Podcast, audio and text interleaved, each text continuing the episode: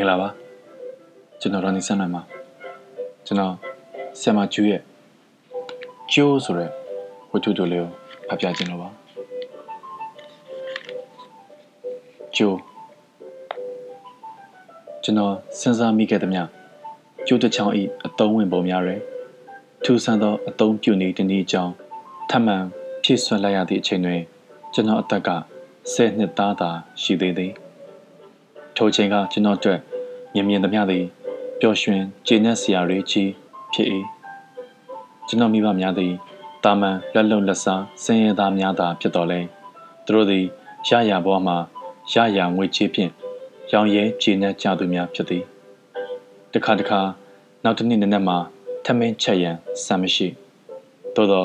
ထိုညများတွင်ကျွန်တော်နှစ်နှစ်ချက်ချက်အိပ်ပျော်ခဲ့သည်အိမ်မက်ထဲမှာ ကျွန်တော်မတ်သမျှအရာတွေတွင်တငယ်ချင်းတယောက်အိမ်မှာကျွန်တော်မြင်တွေ့ခဲ့ရသောပဇွန်တုတ်ကွေးကြီးများပင် ပါဝင်တက်သေးသည်။ကျောင်းမှာစာအုပ်ဖိုးတပြက်စီးဖို့တောက်ရည်အိုးစင်ဖို့မပေးနိုင်သည့်ရက်များတွင် ကျွန်တော်သည်ကျောင်းလက်ပြစ်လိုက်ရုံမှတပါအခြားဖြည့်ရှင်းစရာနီလန်းမရှိခဲ့ပေ။သို့သောကျွန်တော်တို့ကြာရှည်စိတ်ညစ်နေခဲ့ခြင်းမရှိကျွန်တော်တို့ဘဝမှာနေ့စဉ်ထမင်းနှက်မှန်အောင်စားနိုင်ဖို့အတွက် စိတ်ဝင်စားစရာအရာများစွာရှိနေသေးသည်ထို့ပြင်ကျွန်တော်မိဘများသည်ရှေးဘဝအတိတ်ဤကုသိုလ်ကံကိုယုံကြည်တတ်ဝင်သူများဖြစ်ကြသည်ထို့ကြောင့်လည်းဤဘဝမှာဒေါသများနာကျည်းမှုများအံ့ဩတုန်လှုပ်မှုများကင်းဝေးခဲ့ခြင်းဖြစ်ပါလိမ့်မည်ကျွန်တော်ကြောင်းသွားရလမ်းတွင်လှပမြင်မာသောအိမ်ကြီးတအိမ်ရှိသည်ထိုအိမ်ဤပိုင်ရှင်ဦးလေးကြီးသည်ကျွန်တော်ကိုတနာကိယူနာသက်စွာ မုံပိုးပေးလိရှိသောကြောင့်ထိုအိမ်သို့ကျွန်တော်မကြာခဏသွားရောက်လေရှိပါသည်ထိုအိမ်သည်အသက်10နှစ်အရွယ်စင်ရသားကလေးတယောက်အတွက်နန်းတော်ကြီးတမျှခမ်းနားကျယ်ဝန်းလှပါသည်အခန်းတစ်ခုထဲတွင် ကျွန်တော်မတ်တက်ရက်နေသောအခါလေးဘက်လေးတန်ကနေရံများသည်ကျွန်တော်နှင့်အဝေးကြီးဝေးနေပြီးမောကြည့်လိုက်သောအခါကျွန်တော်ထက်တက်တဲ့ကကြီးမားခိုင်ခံသောထုတ်တန်းကြီးများသည်ကျွန်တော်၏တေးကွေးမှုကို တယောလှောင်ပြောင်နေဟန်ရှိ၏ထိုဦးလေးကြီးတွင် အလွန်ရည်စရာကောင်းသောကြောင်တကောင်နှင့် ကြောက်စရာကောင်းသော ခွေးတကောင်ရှိသည်ထိုခွေးမှာနာမည်ရှိတော်လဲထိုနာမည်ကိုကျွန်တော်မမှတ်မိတော့ပါခွေးသည်ကျွန်တော်ရင်ဘတ်လောက်အရက်မြင့်ပြီးကျွန်တော်ကိုယ်လုံးထက်သုံးဆလောက်ဝါဖြိုးသည်သူ့အမွေများမှာအညိုရောင်တွင်အနက်ရောင်ရောလျက်တောက်ပနေသည်ခွေး၏မျက်နှာကကျွန်တော်မျက်နှာထက်ကြီးမားသည့်အပြင်ခွေး၏ သေးငယ်ရိုင်းဆိုင်သောမျက်လုံးတစ်ဝိုက်တွင်မဲနှက်သောအမွေများပေါက်နေသောကြောင့်ခွေးသည်ကျွန်တော်အတွက်အလွန်ကြောက်စရာကောင်းပါသည်ပထမဦးဆုံးအချိန်ခွေးနှင့်ကျွန်တော်ရင်ဆိုင်ရသောနေ့ကိုကျွန်တော်မမေ့နိုင်ပါထိုနေ့ကကျွန်တော်မနှက်စာဘာမှမစားခဲ့ရသောကြောင့်ကြောင်းသွားရင်းဦးလေးကြီးခြံထဲကမာလကာသီးများကိုခြံပြမဝချမ်းတစ်ချောင်းဖြင့်ခူးရန်ကြိုးစားခဲ့ရ၏သို့သောကျွန်တော်တို့ကိုပြန်ဆွဲလိုက်သောအခါ ဝချမ်းအကွဲရာကလေးထဲမှမာလကာသည်လွတ်ထွက်ကာခြံဝန်းထဲကြာကျန်နေခဲ့သည်ထိုချိန်တုန်းကထိုခြံထဲတွင်ကြောက်စရာကောင်းသောခွေးတစ်ကောင်ရှိမှန်းသိခဲ့လျင်ခြံထဲခိုးဝင်ပြင်းမည်မဟုတ်ပါကျွန်တော်ခြံထဲလှစ်ခနဲဝင်ပြီးမာလကာသည်ရှိရာပြေးသွားခိုင်မှာပင်မျက်နှာချင်းဆိုင်မှခက်မဲမဲအရာတစ်ခုကျွန်တော်ရှိရသောအရှိန်ပြင်းစွာနီးကပ်လာသည်ကိုသိလိုက်၏သို့သောထိုအရာသည်ခွေးတစ်ကောင်ဖြစ်သည်ဟုသိလိုက်ချိန်တွင် ကျွန်တော်ရှောင်ရန်အလွန်နောက်ကျသွားခဲ့ပြီကျွန်တော်ထိတ်လန့်တုန်လို့စွာကြောင်အသွားခိုက်တွင် ထိုဦးလေးကြီးကသူ့ခွေးကိုတစုံတစ်ခုအော်ဟစ်လိုက်သောကြောင့်ကျွန်တော်တတ်တာရာရသွားသည်ထိုချိန်တွင်ခွေးဤနှုတ်သီးကကျွန်တော်မျက်နှာနှင့်သုံးလက်မလောက်ပဲကွာတော့သည်ထိုနေ့ကမာလကာသည်စားရင်ကျွန်တော်နှင့်ဦးလေးကြီးအတိမိတ်ဆွေဖြစ်သွားခဲ့သည်ဦးလေးကြီးဤကြောင်ကိုကျွန်တော်မြင်သောအခါ ကျွန်တော်ခွတ်ထိုးခွက်လန်ရီမောမိသည်ကြောင်ဤအမိကတဝက်တိတိမှတောင်ချိုးပြီးကောက်ကွေးနေသည်အမွေးကကိုခန္ဓာတစ်ချမ်းမှအဖြူတစ်ချမ်းမှအမဲရောင်ဖြစ်သည်နှကမ်းမွေးကတစ်ဖက်မှာတူပြီးတစ်ဖက်မှာအရှိကြီးဖြစ်သည်တယောက်ယောက်ကစိတ်တူပြီးကက်ကြီးနဲ့ကိုက်ပြက်လိုက်တာဖြစ်မှာပေါ့ကွာဦးလေးကြီးကခက်ပြုံးပြုံးပြောခဲ့၏ကက်ကြီးနဲ့ကိုက်မှာဖြစ်လဲ နှစ်ဖက်လုံးကိုက်လိုက်ရောပေါ့ဟုကျွန်တော်ဘာသာကျွန်တော်တွေးရင်းဟဟပပရှိမိသည်ကျွန်တော်ရီမောသူကိုထိုဦးလေးကြီးကငိမ်းမောကြည့်နေခဲ့သည်မနှက်စာစားစရာမရှိလို့ဘာမှမစားခဲ့တဲ့ကလေးတယောက်ကဒီလိုရေနိုင်သေးလားဟာဦးလေးကြီးကလည်းဒါမှအထူးဆန်းကြနေတာပဲကျွန်တော်တို့မိသားစုအတွက်ရေစရာများစွာရှိကြောင်းဦးလေးကြီးကိုကျွန်တော်ပြောပြခဲ့တော့သူအံ့ဩနေသည် ဦးလေးကြီးကတော့ငွေကြေးချမ်းသာကြွယ်ဝသူတူဖြစ်သည်ဈေးထဲတွင် အထည်ဆိုင်နှကန်းတွဲလျက်ဖွင့်ထားသူဖြစ်သည်ရှေးခေတ်ကဆယ်တန်းအောင်ထားသောကြောင့်ပညာတတ်တူဟုပြောမည်ဆိုကပြောနိုင်သည်ခြံဝင်းထဲတွင်တစ်ပင်ပန်းပင်များကြောင့်စိမ့်လန်းအေးမြလျက်ရှိပြီးအသေးနှံပန်းပွင့်များကိုရောင်းရသည့်ပတ်စံတွေကအများကြီးအဝေးစီတွင်တူထားပြီးရေရောင်းရသည့်ပတ်စံတွေကအများကြီးကျွန်တော်သည် ထိုဦးလေးကြီး၏ပတ်စံများထားเสียနေရာမှ ရှိပါမလားဟုကလေးတွေးဖြင့်တွေးကြည့်ခဲ့မိဘူးသည်ဦးလေးကြီးသည်ကျွန်တော်တို့ထပ်ပင်ဘဝကိုပျော်ရွှင်ခြေနှက်သူတူဖြစ်လိမ့်မည်ဦးလေးကြီးစိတ်ညစ်တာကျွန်တော်တခါမှမမြင်ဘူးပဲဦးလေးကြီးသည်ရက်ွက်ထဲတွင်လူတွေကလေးစားရုပ်တည်ခံရသူတူလည်းဖြစ်သည်ထိုဦးလေးကြီးရုတ်တရက်ထူးဆန်းစွာတေဆုံးသွားသောအခါကျွန်တော်နားလေတက်ဆွမ်းသမျှ တသနာတွေအားလုံးတလွဲတချော်တွေဖြစ်ကုန်သည်ဦးလေးကြီး၏အသက်ကင်းမဲ့သောခန္ဓာကိုယ်ကြီးကို ပထမဆုံးတွေ့လိုက်ရသူမှာကျွန်တော်မဟုတ်သောကြောင့်ကျွန်တော်ကံကောင်းသည်ဟုအမေကပြောပါသည်အဲ့ဒီလိုဖြစ်ပျက်တွေကိုကလေးတွေမကြည့်ကောင်းဘူးဟုအမေကပြောတော့ကျွန်တော်စိတ်ပါလက်ပါခေါင်းညိတ်ခဲ့မိသည်တကယ်လေထိုအချိန်ကလူသေးကိုကျွန်တော်အလွန်ကြောက်ခဲ့ပါသည်သို့တော့ ဦးလေးကြီးဘာကြောင့်ရုတ်တရက်တည်ဆုံလိုက်ရတယ်လဲဟုကျွန်တော်နားမလည်နိုင်စွာ တွေးနေမိသည်ကျွန်တော်လိုပင်ကျွန်တော်တို့ရက်ကွက်ကလူတွေလည်းစိတ်ဝင်စားစွာ အပြေရှာကြသည်ကျွန်တော်တို့မျိုးကလက်ဖက်ရည်ဆိုင်တွေမှာဦးလေးကြီးအကြောင်းသည်စိတ်ဝင်စားစရာဘာသာရပ်တစ်ခုဖြစ်လာပေါင်းများစွာတည်ရှိနေခဲ့ဘူးသည်ထူးဆန်းသည်မှာဦးလေးကြီးသည် သူ့ကြောင့်နှင့်ခွေးကိုအိမ်အနီးပါမြည်သူတူတယောက်ထမ်းမျှ အနံမထားခဲ့ခြင်းပင်ဖြစ်သည်သူသိဆုံးမှအိမ်ကြီးချင်းတယောက်ကကြောင်ကိုတာဝန်ယူကျွေးမွေးရပြီးအခြားတယောက်ကခွေးကိုတာဝန်ယူရသည်နောက်ထပ်ထူးဆန်းသည့်အကြောင်းမှာသူ့ကြောင်သည်နောက်တစ်လအကြာတွင်တည်ဆုံသွားပြီးသူ့ခွေးသည်6လအကြာတွင်တည်ဆုံသွားခြင်းပင်ဖြစ်ပါသည်ထိုဖြစ်ပျက်ကိုအမေအားပြောပြတော့အမေကတိတ်မထူးဆန်းသလိုပင် ပြောခဲ့၏ ခွေးရီကြောင်တွေဟာသူတို့သခင်ကိုတိတ်တွေ့တာတာတာရဲ့သခင်မရှိတော့သူတို့တေးမှာပေါ့ဒါလွမ်းနာကြတယ်ခေါ်တယ်သို့တော့ဦးလေးကြီးနှင့်ပတ်သက်၍အထူးခြားဆုံးအဖြစ်တစ်ခုကိုတော့အမေကိုယ်တိုင်လည်းတအံ့တော်စိတ်ဝင်စားခဲ့၏ဦးလေးကြီးတည်ဆုံးသောအခါဦးလေးကြီး၏အိမ်တွင်ငွေဆက်ကူတစ်ချက်မျှပင် မတွေ့ရခြင်းအကြောင်းပင်ဖြစ်ပါသည်တာဝန်ရှိသူများကအိမ်ထဲမှရှိသမျှဘီရို တစ်တာစာအုပ်အားလုံးကိုလှန်လှောဖွင့်လက်ရှာကြည့်ခဲ့ကြတော့လေငွေဆက်ကူတစ်ချက်တလေးမျှမတွေ့ခဲ့ရပါဦးလေးကြီးသည်ဗန်မှလည်းငွေစရင်ဖွင့်ထားသူမဟုတ်ဟုအချင်းချင်းပြောဆိုဆွေးနွေးကြတာကျွန်တော်ကြားဘူးသည်ဦးလေးကြီးသည်ကြံရစ်သမျှမြို့သူမြို့သားအားလုံးအားသူနှင့်ပတ်သက်သည့်ဗဟေလိတစ်ခုအောင်မြင်စွာဝတ်သွားခဲ့သည်ဟုလူကြီးသူမများပြောတာကျွန်တော်ယခုတိုင်သတိရနေပါသည် ဦးလေးကြီး၏ငွေဆက်ကူဗဟေလိကိုလူတော်တော်များများအပြေရှာဖို့ကြိုးစားကြဘူး၏သူတို့မအောင်မြင်ကြပါသူတို့သည်ငွေဆက်ကူများကိုဘယ်မှမှမတွေ့ပါငွေဆက်ကူမှတစ်ဖြစ်လဲနိုင်သည့်ရွှေငွေကြောင်မြတ်ရတနာများကိုလည်းသူတို့မတွေ့ကြပါဦးလေးကြီးနှင့်ပတ်သက်၍သူတို့ရှာဖွေတွေ့ရှိခဲ့သည်မှာစာရွက်အပိုင်းကလေးတစားသာဖြစ်သည်ထိုစာရွက်ကလေးသည် ဦးလေးကြီး၏အလောင်းရှိရာမိဖို့၏စပွဲပေါ်မှာလုံးချေလျက်သားရှိသည်ကိုရက်တော်တော်ကြားမှသူတို့တွေ့ခဲ့ကြသည်ဟုဆိုပါသည်ဦးလေးကြီးကိုကောင်းကောင်းသိသူများကဒါသူ့လက်ရေးပါပဲဟုတညီတညွတ်တဲ့အတီးပြုတ်ထောက်ခံကြ၏သူသည်တခုခုကိုစာဖြင့်ရှင်းပြဖို့ကြိုးစားခဲ့သလားဟု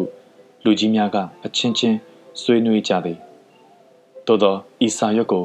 စာဟုသူတို့မခေါ်နိုင်ကြပါစာဆိုလျင်လည်းမရေးဖြစ်သောစာသာဖြစ်ပါလိမ့်မည်အကြောင်းမှာဦးလေးကြီးသည်စာလုံးကလေးငါးလုံးကိုသာရေးသွားသောကြောင့်ဖြစ်သည်ခမည်းအနားမှာထိုစလုံးကလေးငါးခုသည်မြည်သူအတွက်မျှမြည်သည့်အတိတ်ပဲမျှမဆောင်ခဲ့ပါသူသည်စာရေးရင်းအလုတ်တစ်ခုခုထလုပ်ပြီးမှစာပြန်ရေးဖို့ မေ့လျော့သွားလေသလားသို့မဟုတ်မရေးတော့ပါဘူးဟုဆုံးဖြတ်လိုက်လေသလားစာရွက်ကလေးကို သူကိုယ်တိုင်ပဲလုံးချေခဲ့သလားသို့မဟုတ် အခြားတယောက်ယောက်ကလုံးချေလွှင့်ပစ်ခဲ့သလားသူကိုယ်တိုင်လုံးချေခဲ့သည်ဆိုလျင်ဖြစ်သွားသောအဖြစ်ပြက်သည်တာဝန်ရှိပုဂ္ဂိုလ်များနားလည်ထားသည့်အတိုင်းပင်ဖြစ်သည်ဟုဆို၏အကယ်၍သာဤစာရွက်ကို လုံးချေသူသည် အခြားတယောက်ယောက်ဖြစ်ခဲ့လျင်သူ တို့သည်မူလလက်ခံထားသောအယူဆကိုပြောင်းပြန်လှန်ပစ်ရတော်မည်ဟုဆို၏ညီတို့ဆိုစေဦးလေးကြီး၏ဗဟေလိသည်ဆယ်နှစ်သားရွယ်ကလေးတယောက်ဖို့ညီတို့မျှနားမလည်နိုင်သောအရာသာဖြစ်သည်လူကြီးများအတွက်ထိုဗဟေလိသည်လာပေါင်းများစွာနှစ်ပေါင်းများစွာစိတ်ဝင်စားစရာဖြစ်ခဲ့တော်လဲကျွန်တော်တော်တော်တိတ်မကြမိပင်မေ့ပြောက်သွားခဲ့သည်ကျွန်တော်မှာအခြားစိတ်ဝင်စားဖွယ်အရာများစွာရှိသေးသည်မဟုတ်လား ဦးလေးကြီးကိုကျွန်တော်လုံးဝမေ့ပြီဟုထင်ခဲ့သည်သို့သောကျွန်တော်တကယ်တော့မမေ့ပါနောက်ထပ်10နှစ်အတွင်းကျွန်တော်ဦးလေးကြီးကိုတခါတည်းရန်မှသာတတိရခဲ့တာမှန်ပါသည်သို့သောယခုနှစ်ပေါင်း30ကြာလာသောအချိန်တွင်တော့သူ့အကြောင်းမကြာခဏတွေးမိသည်ဒါကလည်းထူးဆန်းစွာ ပြောင်းလဲလာသောကျွန်တော်စိတ်အခြေအနေကြောင့်ပဲဖြစ်နိုင်ပါသည်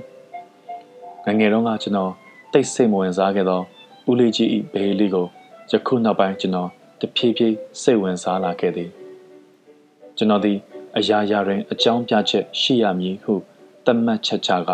အဖြစ်ပြက်အားလုံး၌အကြောင်းရင်းကိုရှာဖွေတတ်သူဖြစ်သည်ထို့ကြောင့်လည်းဦးလေးကြီး၏ကိစ္စတွင်ဘာကြောင့်ဟူသောအကြောင်းရင်းကိုနက်နက်နဲနဲရှာဖွေစဉ်းစားမိ၏ကျွန်တော်၏အားလက်ချိန်များတွင်ကျွန်တော်အာယုန်၌စိုးမိုးနေသောအရာမှာ ကိစ္စတည်းရဲ့ဖြစ်ပေါ်စေသောအကြောင်းရင်းများပင်ဖြစ်သည်အကျိုးနှင့်အကြောင်းဆက်ဆက်၍ရသောကိစ္စများတွင်ကျွန်တော်ဖြောင့်တန်းစွာကောက်ချက်ဆွဲလိုက်နိုင်တော်လဲအကျိုးနှင့်အကြောင်းဘလို့မှဆက်ဆက်၍မရသောအချို့ကိစ္စများတွင်ကျွန်တော်ဒေါသတကြီးဖြစ်ရသည်တကယ်တော့ကျွန်တော်တို့လူလောကကြီးတွင်အကျိုးနှင့်အကြောင်းဤဆက်ဆက်မှုကို မတွေးဘဲထားပါမှစိတ်သက်သာရာရသည့်အဖြစ်မျိုးလဲများစွာရှိသေးသည်ဟုကျွန်တော်သဘောပေါက်လာသည် ကျွန်တော်မိဘများကဲ့သို့ရှေးဘဝဤအတိတ်ကံဆိုသောမိမိအတိအကျမသိနိုင်သည့်အကြောင်းပြချက်ကိုရှာဖွေကာဆွဲယူဆက်ဆက်နိုင်လျင်တော့အကောင်းသာအခုတော့ကျွန်တော်သည်ဤကိစ္စများတွင်ရည်စရာကောင်းလောက်အောင်လက်တွေ့ကြတတ်သူဖြစ်နေပြန်သည်ယခုတော့ကျွန်တော်သည်ရှေးဘဝဆိုတာကိုလည်းမယုံနောက်ဘဝဆိုတာကိုလည်းမယုံသူဖြစ်နေပြန်သည်ကျွန်တော်ဘဝမှာကျွန်တော်ပျော်ရွှင်ပါရဲ့လားဟုမေးလာလျင် ကျွန်တော်အဖြေရတော်တော်ခက်ပါလိမ့်မည်ငယ်စဉ်တုန်းကအလွန်ဆင်းရဲနွမ်းပါခဲ့သောကျွန်တော်သည်ပျော်ရွှင်မှုကိုငွေကြေးဖြင့်ရှာဖွေဝယ်ယူ၍ရနိုင်သည်ဟုထင်ခဲ့ဘူးသည်ယခုမှပဲကျွန်တော်သည်စိတ်ဆင်းရဲမှုများကိုငွေကြေးဖြင့်ရှာဖွေဝယ်ယူခဲ့မိပြီဖြစ်ကြောင်းသဘောပေါက်လာရသည်သို့သောအချိန်တော်တော်လွန်ခဲ့ပြီတဘဝစာပင်လွန်ခဲ့ပါပြီကျွန်တော်မှာ ကျွန်တော်ချစ်မြတ်နိုးလွန်၍ခက်ခဲစွာရယူပိုင်ဆိုင်ထားသောဇနီးတယောက်ရှိသည်ကျွန်တော်ငယ်စဉ်ကမရရှိခဲ့သောကျွန်တော်အလွန်အမင်းလိုချင်မမောခဲ့သော ကစားစရာအစာအစာမှအစပညာအထိအရာများစွာကို ပုံအောပေးအပ်ပစ်ချင်သောမေတ္တာစေတနာများဖြင့်မွေးဖွားပြုစုခဲ့ရသော သားသမီးများရှိသည်ကျွန်တော်ဆွေမျိုးမတော်ခြင်းမတော်ဝင့်လောက်အောင်တကူကောင်းစိတ်ကြီးမားပြီး အရာရာကိုပေါ့တန်စွာသဘောထားတတ်သောမွေးခြင်းများရှိသည်ကျွန်တော်အနည်းကထိုလူသားများအားငွေကြေးနှင့်ပေါင်းဆက်လိုက်သောအခါကျွန်တော်ဘဝသည် အလွန်စိတ်ပြည့်ညင်ညူးဖွယ်ကောင်းသွားတော့သည်မိမိကိုယ်တိုင်၏အကောင်းဆိုးကိုမိမိတယောက်တည်းခံစားခွင့်ရခြင်းသည် အလွန်ရခဲလာသော ချမ်းသာဒုက္ခပင် ဖြစ်လိမ့်မည်ဟုကျွန်တော်တဖြည်းဖြည်းတောင်းတလာခဲ့သည်တယောက်တည်းတည်တံ့ရှိနေဖို့ စံထားရှိလာသောအချိန်တွင်ကျွန်တော်ကိုယ်တိုင်တိဆောက်ခဲ့သောအတိုင်းမြုံကြီးသည်ဖြိုခွဲလို့မရနိုင်တော့အောင်ကြီးမားခိုင်ခန့်လာခဲ့ပြီတဘွားစာပင်ကျွန်တော်မှားခဲ့ပြီဟုတွေးမိချိန်တွင် ကျွန်တော်အာယုန်ထဲမှရှိနေခဲ့ဘူးသောဦးလေးကြီး၏ဗဟေလိသည်တဖြည်းဖြည်းပြန်လဲနေရာယူလာတော့သည်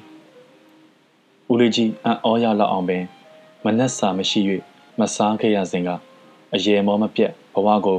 ပျော်စရာဖြင့် ရှာချန်ရောင်ရဲကျေနပ်ခဲ့ဘူးသောကျွန်တော်သည်ယခုတော့ပျော်ရွှင်မှုကိုဘယ်မှမှရှာဖွေမတွေ့တော့ပါကျွန်တော်ဤတဏိတာများသည်ဒေါသနာကြီးမှု မုန်းတီးမှု စိတ်ပြည့်ယွန်ရှာမှုအံ့ဩဆက်ဆုပ်မှုများဖြင့်သာပြည့်ရှံနေတော့သည်ကျွန်တော်သည်ကျွန်တော်တွင်ဖြစ်ပေါ်နေသောထူးဆန်းသည့်စိတ်ခံစားမှုကို ပြောင်းလဲပြုပြင်နိုင်ရန်ကုသနေပေါင်းများစွာကို အသုံးပြုကြည့်ခဲ့ဘူးသည် လှပသောတောတောင်ရင်မြေတဘာဝကို အစားထိုးချစ်ခင်မြတ်နိုးနိုင်ရန်ကျွန်တော်ခရီးထွက်၍ထွက်ပြေးခဲ့ဘူးသည်သို့သောတာဝင်းဟူသောစကားရည်ကြီးကကျွန်တော်ကိုဖိစီးထားသောကြောင့်ကျွန်တော်ဤဝင်ထုတ်ဝင်ပိုးများရှိရာသို့လဲဆင်း၍ပြန်လာခဲ့ရသည်ကြီးပင်ဖြစ်ပါသည်ချစ်တော်လွင်ကိုမင်းကိုအတမကချစ်မြတ်နိုးခဲ့ရဲဆိုတာမင်းယုံတယ်မဟုတ်လားအခုချိန်မှာ ကိုမင်းစီကိုပြန်မလာတော့ဘူးဆိုရင်ကျွန်တော်ဒီရေးလက်ဆစာများကိုဘယ်နှချိန်စုပ်ဖြဲပစ်ခဲ့ရသည်ကိုမမှတ်မိနိုင်တော့ပါကျွန်တော်ခန္ဓာကိုယ်ထဲမှာရှိနေသော စီးစိမ်ချမ်းသာနှင့်ပျော်ရွှင်မှုဆိုင်ရာအစွမ်းအစကိုရနိုင်သလောက်လောဘတကြီးညှစ်ထုတ်သုံးဆွဲခဲ့သောကျွန်တော်မိသားစုတွေတွင်ဇနီးကရှေ့ဆုံးမှပါဝင်ကြောင်းကျွန်တော်ဖွင့်ပြောဖို့ခဏခဏစဉ်းစားမိပြီးဖွင့်မပြောတော့ရန် ခဏခဏဆုံးဖြတ်ခဲ့မိပါသည်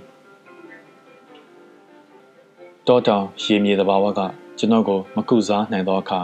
ကျွန်တော်သည်အတိတ်ဘဝထဲမှာကြာရှည်နေထိုင်ကြည့်ပြန်သည်ကျွန်တော်အတိတ်သည်စိတ်ချမ်းသာစရာတကွက်မှမရှိသောဆင်းရဲဒုက္ခများသာဖြစ်သည်ထမင်းနှင့်ပညာကိုတပြိုင်တည်းလိုချင်သောကြောင့်မနာမနေလှုပ်ရှားခဲ့ရသောကျွန်တော်ခြေတော်များလက်များ အောက်ကျတိမ်ငယ်စွာ ပြုံးပြရလောင်သဖြင့်တင်းမာတွန့်ဆုတ်နေသောနှက်ခမ်းများနာကျင်ခါသီးသောမျက်ရည်များ၎င်းတို့အားလုံးသည်တကယ်တော့လေးပင်သည့်ဝင်ထုတ်ဝင်ပိုးကြီးများကိုထမ်းရွက်နိုင်ဖို့ကျွန်တော်ကိုယ်တိုင်ဖန်တီးပြုလုပ်ခဲ့သည့်ခိုင်ခန့်သောတဘိုးများသာဖြစ်သည်ဟုကျွန်တော်ယခုမှသိရသည် အတိတ်သည်ကျွန်တော်အတွက်ပျော်ရွှင်စရာမဟုတ်ပါ ထိုအခါအနာဂတ်ကိုကျွန်တော်မျှော်ကြည့်သည်တကယ်တော့အနာဂတ်သည်လည်းကျွန်တော်အတွက်လှပခိုင်ခန့်သောလှောင်အိမ်ကြီးတစ်ခုသာဖြစ်သည်ထိုလှောင်အိမ်ကြီးတဲ့သို့ကျွန်တော်ပြန်မဝင်ကျွန်တော်ပါထိုအခါ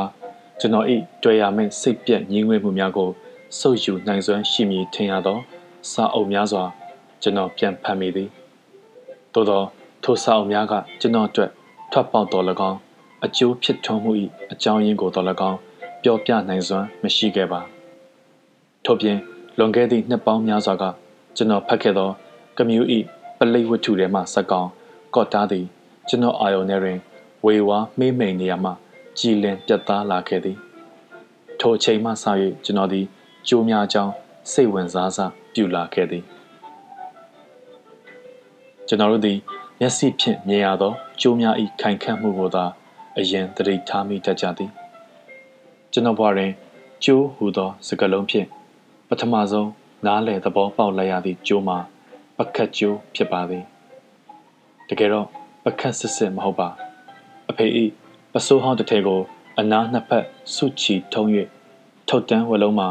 ကျိုးဖြင့်ဆွဲပြီးကျွန်တော်တို့ကလေးများအိတ်ခဲ့ရသောအဝင့်ပကတ်သာဖြစ်ပါသည်ကိုပါအေးရေပကတ်ကျိုးကိုနည်းနည်းလောက်မြင့်ပေးပါဦးထိုစကားသည် အမေခဏခဏပြောသောစကားဖြစ်ပါသည်ထို့နောက်ကျွန်တော်ထပ်၍သိရသောကျိုးမှာ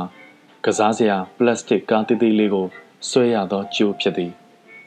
ထိုကျိုးကြောင့်ကျွန်တော်တို့ညီကိုခဏခဏရံဖြစ်ငိုယိုခဲ့ရပူပါသည်ဒီထက်အသက်နည်းနည်းကြီးလာတော့ကျွန်တော်ရေပုံးကျိုးကိုတည်လာသည်ကျွန်တော်တို့ငငယ်ကနေခဲ့သည့်ရွာတွင်တောက်ရည်သုံးရည်ကိုရေရင်းမှရေပုံးဖြင့်ငင်ယူရလေရှိပါသည် ကျွန်တော်တို့ရေငင်သောပုံမှာမွဲညက်ဖြင့်မဲနှက်နေသောနှီးပုံးအစုပ်ကလေးဖြစ်ပြီးရေပုံးကျိုးမှာလက်ကိုပေါက်ပြဲရှာနာစေလောက်အောင်ကြမ်းတမ်းသောအုံးဆန်ကျိုးဖြစ်သည်ထိုရေပုံးကျိုးကိုတော့ကျွန်တော်တို့အားလုံးကြောက်လန့်စွာညင်းပယ်လိုကြသည်ငယ်ရွယ်စဉ်ကလေးအရွယ်ကကျွန်တော်မှတ်မောခဲ့သောကျိုးမှာကျင်ပေါက်သည့်ကျိုးနှင့်ကျိုးခုံကစားရန်တည်ထွင်ထားသောလက်ကံရိုးတက်ကျိုးများဖြစ်သည်ကျွန်တော်မုန်းတီးသော ကျိုးအမျိုးအစားတစ်ခုရှိသေး၏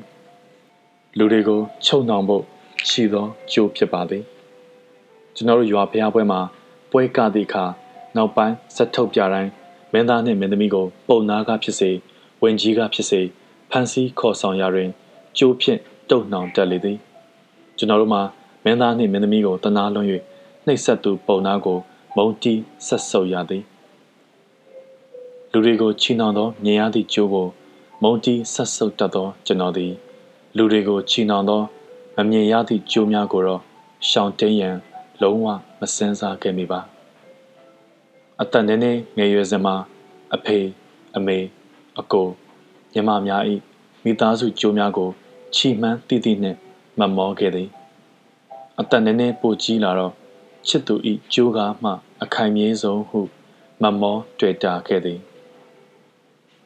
ထို့ကြောင့်လဲ ထိုကြိုးရစ်နှောင်သည့်ထက်ရစ်နှောင်နိုင်ရန် အခက်ခဲဆင်းရဲဒုက္ခအပေါင်းကို အန်တု၍ချစ်သူကိုလက်ထပ်ခဲ့သည်ဇနီးဤကျိုးနှင့်အားမရပဲသားသမီးများဤကျိုးကိုမမောစွာကမ်းလင့်ကြိုဆိုခဲ့သည်ယခုတော့ကျွန်တော်မှာကျိုးပေါင်းစုံဖြင့်တုံနှောင်ထားလျက်ရှိတော်သည်ကျွန်တော်ပြောခဲ့သလားအမှန်တိုင်းဝန်ခံရလျင်ကျွန်တော် ပြောခဲ့ပူပါသည်ခိုင်မြဲယုံသောချီနှောင်သောချောမွေ့သည့်ကြိုးများချီဖြစ်လျင်ကျွန်တော်ရှေ့ဆက်၍မိုင်မဲစွာပျော်ရွှင်မိအောင်မည်ထင်သည်ယခုတော့ကျွန်တော်ကြိုးတွေကသွေးချင်းချင်းနေအောင်ကြမ်းရှာစွာနာကျင်စေလှသည်ကျွန်တော်ဘဝမှာပျော်ရွှင်မှုများကုံဆုံးသွားခဲ့ပြီဖြစ်ကြောင်းကျွန်တော်သိလိုက်ရသောအချိန်မှာပင် ကျွန်တော်ရုံထွက်ဖြေယူ၍မရလောက်အောင်ကြိုးတွေကအသားထဲနှက်မြုပ်တင်းကျပ်နေခဲ့ပြီအရာရာတိုင်းမှာအချိန်ကာလကန့်သက်ချက်ဆိုတာရှိပါသည်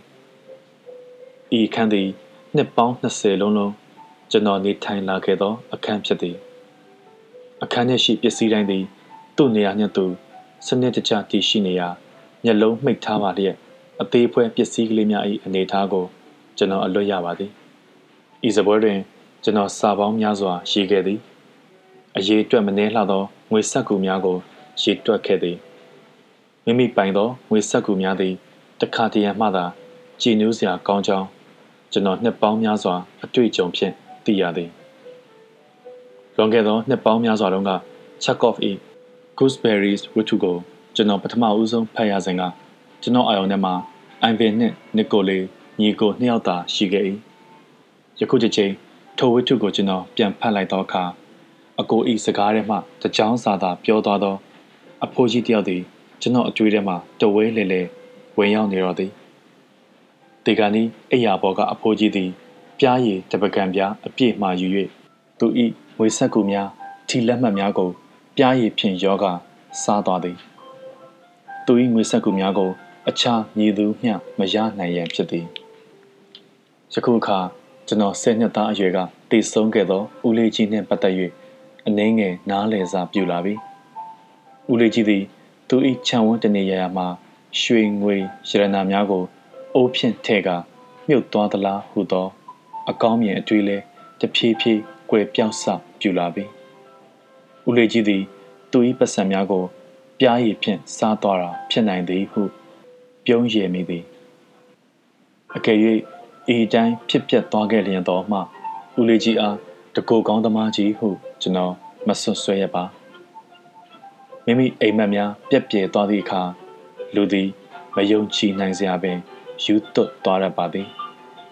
ကျွန်တော်သည်အိမ်မက်တစ်ခုတည်းကိုပင်နှစ်ပေါင်း30ကျော်မက်ခဲ့သူဖြစ်၏အိမ်မက်သည်တကယ်အစစ်အမှန်ဖြစ်မလာနိုင်တော့ကြောင်းအတိအကျသိလိုက်ရသောအခါကျွန်တော်မှရှိသမျှအင်အားတွေပြုံးကနေဆုပ်ယုပ်သွားရသည်လူတယောက်သည်မိမိ၏ပတ်ဝန်းကျင်မှ ထွက်ပြေးရန်နီလန်များစွာရှိပါသည်မိမိ၏ကိုယ်တိုင်မှထွက်ပြေးရန်တော့ဘာနီလန်မှမရှိပါဦးလေးကြီးသည်ကျွန်တော်လိုပင်ရပ်ပေါင်းများစွာ အခန်းအောင်နေခဲ့လိမ့်မည်မြင်နေကြအရာဝတ္ထုများကိုနှစ်30ကျော်မြင်တွေ့ရသောအခါကျွန်တော်လိုပင် စိတ်ပြတ်စွာ ပြုံးရည်မိလိမ့်မည်။ဗရင်ပေါက်မှဒိုင်ပင်ထိုးချလိုက်ရန်ဟာတာဆွက်ခါစဉ်းစားခဲ့မိလိမ့်မည်။ ထို့နောက်ဘယ်ချိန်မှစ၍ကျိုးတချောင်း၏အတုံးဝင်ပုံကိုစဉ်းစားစပြုသွားပါလေ။ဦးလေးကြီးသည်ကျွန်တော်လိုတော့ကျိုးတွေကိုမုံတီးသွားသူမဖြစ်နိုင်ပါ။ကျိုးများကိုမုံတီးသူသည်မိမိ၏မိဖို့ခန်းတဲ့သို့ကျိုးတချောင်းကိုတည်ဆောင်လာမည်မဟုတ်ပါ။ထိုကျိုးကိုတစိမ့်စိမ့်ကြည့်၍ချစ်နေသူသာဖြစ်လိမ့်မည်။ကျိုးသည်နောက်ဆုံးကဲတင်ရှင်အဖြစ် မှားယွင်းစွာမှတ်ယူ၍လက်ဖြင့်ဖွားဖွားပုတ်တခါတီတိုစကားများပြောနေခဲ့လေမလားလူတွေနှင့်စကားပြောဖို့ကြောက်ရွံ့စိတ်ပြတ်သူသည်ကြိုးတစ်ချောင်းနဲ့တော့နိုင်ပေါင်းများစွာ စကားစမြေပြောဆိုခြင်းပဲလိမ့်မည်ကျိုးကိုမိမိအလိုရှိသော ပုံတံဖြစ်အောင် ပြုပြင်ပုံသွင်းဖို့ခက်ခဲသည်ဆိုတာကျွန်တော်သဘောပေါက်ပါသည်ထို့ထက်ပို၍ မိမိဘာပုံတံကိုရမှဖြစ်မှလဲဟု အသေးချာနေစနစ်တည်ဖို့ကတော့အခက်ခဲဆုံးဖြစ်လိမ့်မည်ကျွန်တော်ဤမြစိတ်ရှည်နိုင်မည်မထင်ပါကျွန်တော်ချစ်သောသားနှင့်သမီးကိုကျွန်တော်ဖြစ်စေခြင်းသော ပုံတံဖြင့်ပြုပြင်ပုံသွင်းဖို့ကြိုးစားခဲ့သည်မှာနှစ်ပေါင်း20ကျော်ကြာခဲ့၏ကျွန်တော်ဖြစ်စေခြင်းသည်ကတစ်မျိုး သူတို့ဖြစ်ခြင်းသည်ကတစ်မျိုးလူတွေသည်မိမိ၏ဘဝကိုမိမိစိတ်ကြိုက်သာဖန်တီးပြုပြင်ကြ၏အခြားသူတယောက်ကပြုပြင်ပုံသွင်းပေးဖို့ဆိုတာမြည်တို့မျှမဖြစ်နိုင်ပါတက်ရှိလူသားကိုပုံတံပြုပြင်ဖို့ခက်ခဲသည်ဆိုလျင်တတ်မဲ့ကြိုးတစ်ချောင်းကိုပုံတံပြုပြင်ဖို့တော့ပို၍ပင်ခက်ခဲလေမလားသို့မဟုတ်ပို၍လွယ်ကူလေမလား ကျွန်တော်ရုတ်တရက်ထိုအသက်ပညာကိုပိုစိတ်ဝင်စားမိသည်အကြောင်းနှင့်အကျိုးကိုဆက်ဆက်ညှိနှိုင်းယူနိုင်သည့်ပညာကိုကျွန်တော်စိတ်ဝင်စားစွာလေ့လာထားခဲ့သောကြောင့်ဦးလေးကြီးထားခဲ့သောဗေလီကိုနှစ်ပေါင်း30ကျော်ကြာသည့်အခါဖြည့်ရှင်းရန်နီလန်းကျွန်တော်ရလာခဲ့သည်ဦးလေးကြီးတပိုင်းတစရေးလက်ဆစာကိုကျွန်တော်စိတ်ကူးဖြင့်ထပ်မံ ဖြည့်ဆွတ်ရေးသားနေခဲ့သည်မှာနှစ်ပေါင်းများစွာကြာပြီခမည်းအနားမှာဟူသော စာကြောင်းသည်အဆက်ဆက်မရှိလွတ်လပ်လုံးသောကြောင့်ကျွန်တော်အကြောင်းအရာများစွာဖြင့်ဖြည့်ဆွတ်ဆက်ဆက်ကြည့်ခဲ့ဘူးသည်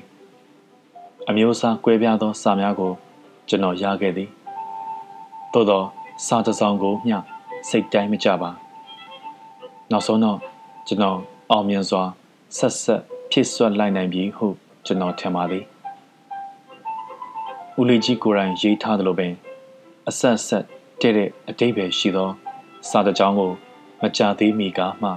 ကျွန်တော်ရလိုက်သည် ကျွန်တော်ရလိုက်သော စာကြောင်းမှာအောက်ပါအတိုင်းဖြစ်သည်ခမည်းနာမှာကျိုးတစ်ချောင်းကိုဘယ်တော့မှ လွယ်လွယ်ကူကူမထားလိုက်လေနဲ့ခက်ခဲသောပု္ပ္ပစာတစ်ပုဒ်အဖြေရသွားသည့်အခါပျော်ရွှင်ကျေနပ်သောခံစားချက်တိုင်းကျွန်တော်အားရကျေနပ်သွားသည်သို့သောတပြိုင်တည်းမှာပင်ကျွန်တော်ဝမ်းနည်းကြည်ကွဲစွာငိုကြွေးမိပါသည်